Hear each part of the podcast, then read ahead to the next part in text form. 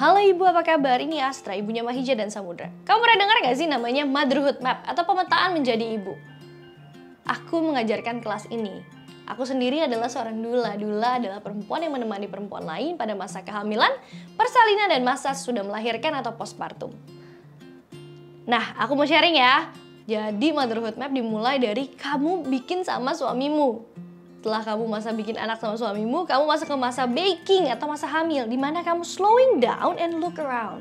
Karena kan perutnya makin besar, kamu belajar untuk meminta bantuan sama orang, and then to just slow down, karena kan makin berat. Karena ini menyiapkan kamu untuk masa persalinan, di mana kamu butuh bantuan orang lebih banyak lagi, karena kamu membersalin seorang anak ke dunia ini. Pada masa persalinan, Ketika kamu sudah terbiasa dibantu orang, kamu akan masuk ke 40 hari setelah melahirkan atau postpartum. Di sini kamu tak hanya belajar untuk dibantu, kamu belajar menyusui, belajar mandiin anak, belajar gantiin popok, belajar untuk tahu kapan harus kasih makan anak. Kalau kamu tidak pernah kecelakaan, tidak pernah uh, operasi besar, ini adalah the biggest recovery you ever have is giving birth. Dan pada masa ini adalah masa yang rentan akan baby blues dan postpartum depression. That's why you need help.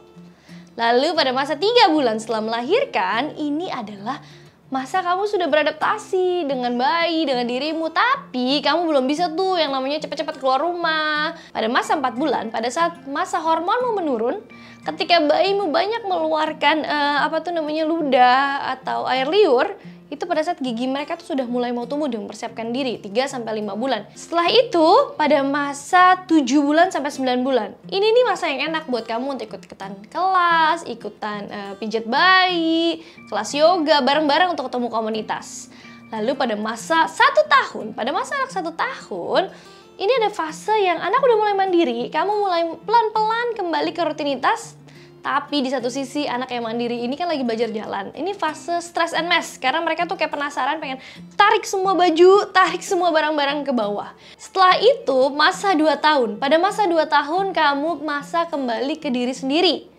Pelan-pelan nih you will feel like yourself. Dan anak 2 tahun tuh dia ada sih masa masa-masa tantrum tapi ada masa-masa dia mulai ngerti minta diambilin tisu bisa mengungkapkan perasaannya bisa bilang iya atau enggak gitu.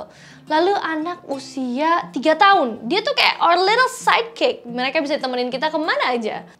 Pada masa anak 4 tahun, kita pelan-pelan menjadi diri kita sendiri, kita kembali bisa memiliki anak, di mana anak kita juga uh, dia merasa, oke okay, aku ready untuk sharing bapak ibuku. Jadi kamu di mana nih di Motherhood Map? Kalau kamu pengen tahu lebih banyak lagi tentang motherhood map, child children milestone, terus grieving atau melepaskan dirimu, lalu menjadi ibu dan transisi-transisi tersebut, yuk ikutan kelas motherhood map uh, dari seri kelas menjadi ibunya Halo Ibu bersama saya Dula Astra. See you next week. Every Tuesday kita punya video baru. This is Astra for Halo Ibu.